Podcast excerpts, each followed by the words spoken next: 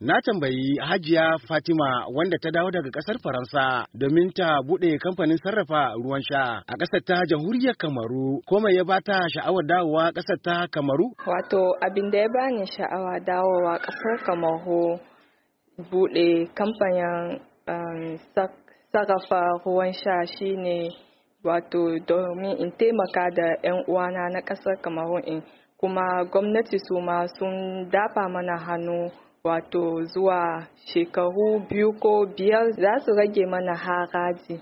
Malama Aisha ita ma ta dawo ne daga ƙasar Dubai don buɗe masana'antar ɗinkin hannu kamar zanin gado da kuma rigan kujerun ɗaki.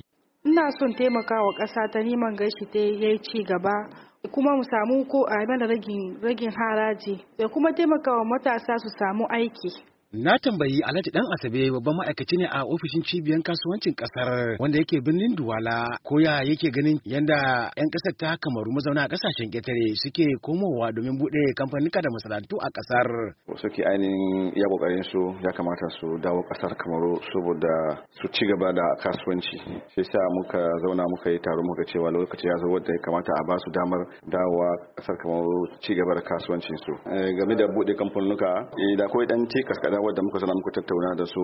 Na tambayi Mr. Idrisu Baba Yaro Adamu wanda ya daga cikin masu hannu da shuni wanda suka dawo ƙasar jamhuriyar Kamaru domin gudanar da harkokinsu shi dai ya buɗe kamfanin sarrafa ayaba ne domin kaiwa ƙasashen na Turai. Ma'aikatan da nake da su a yanzu nan su 60 ne. A to ku nawa ne kuka dawo daga ƙasar Turai domin buɗe kamfanika a ƙasar Kamaru?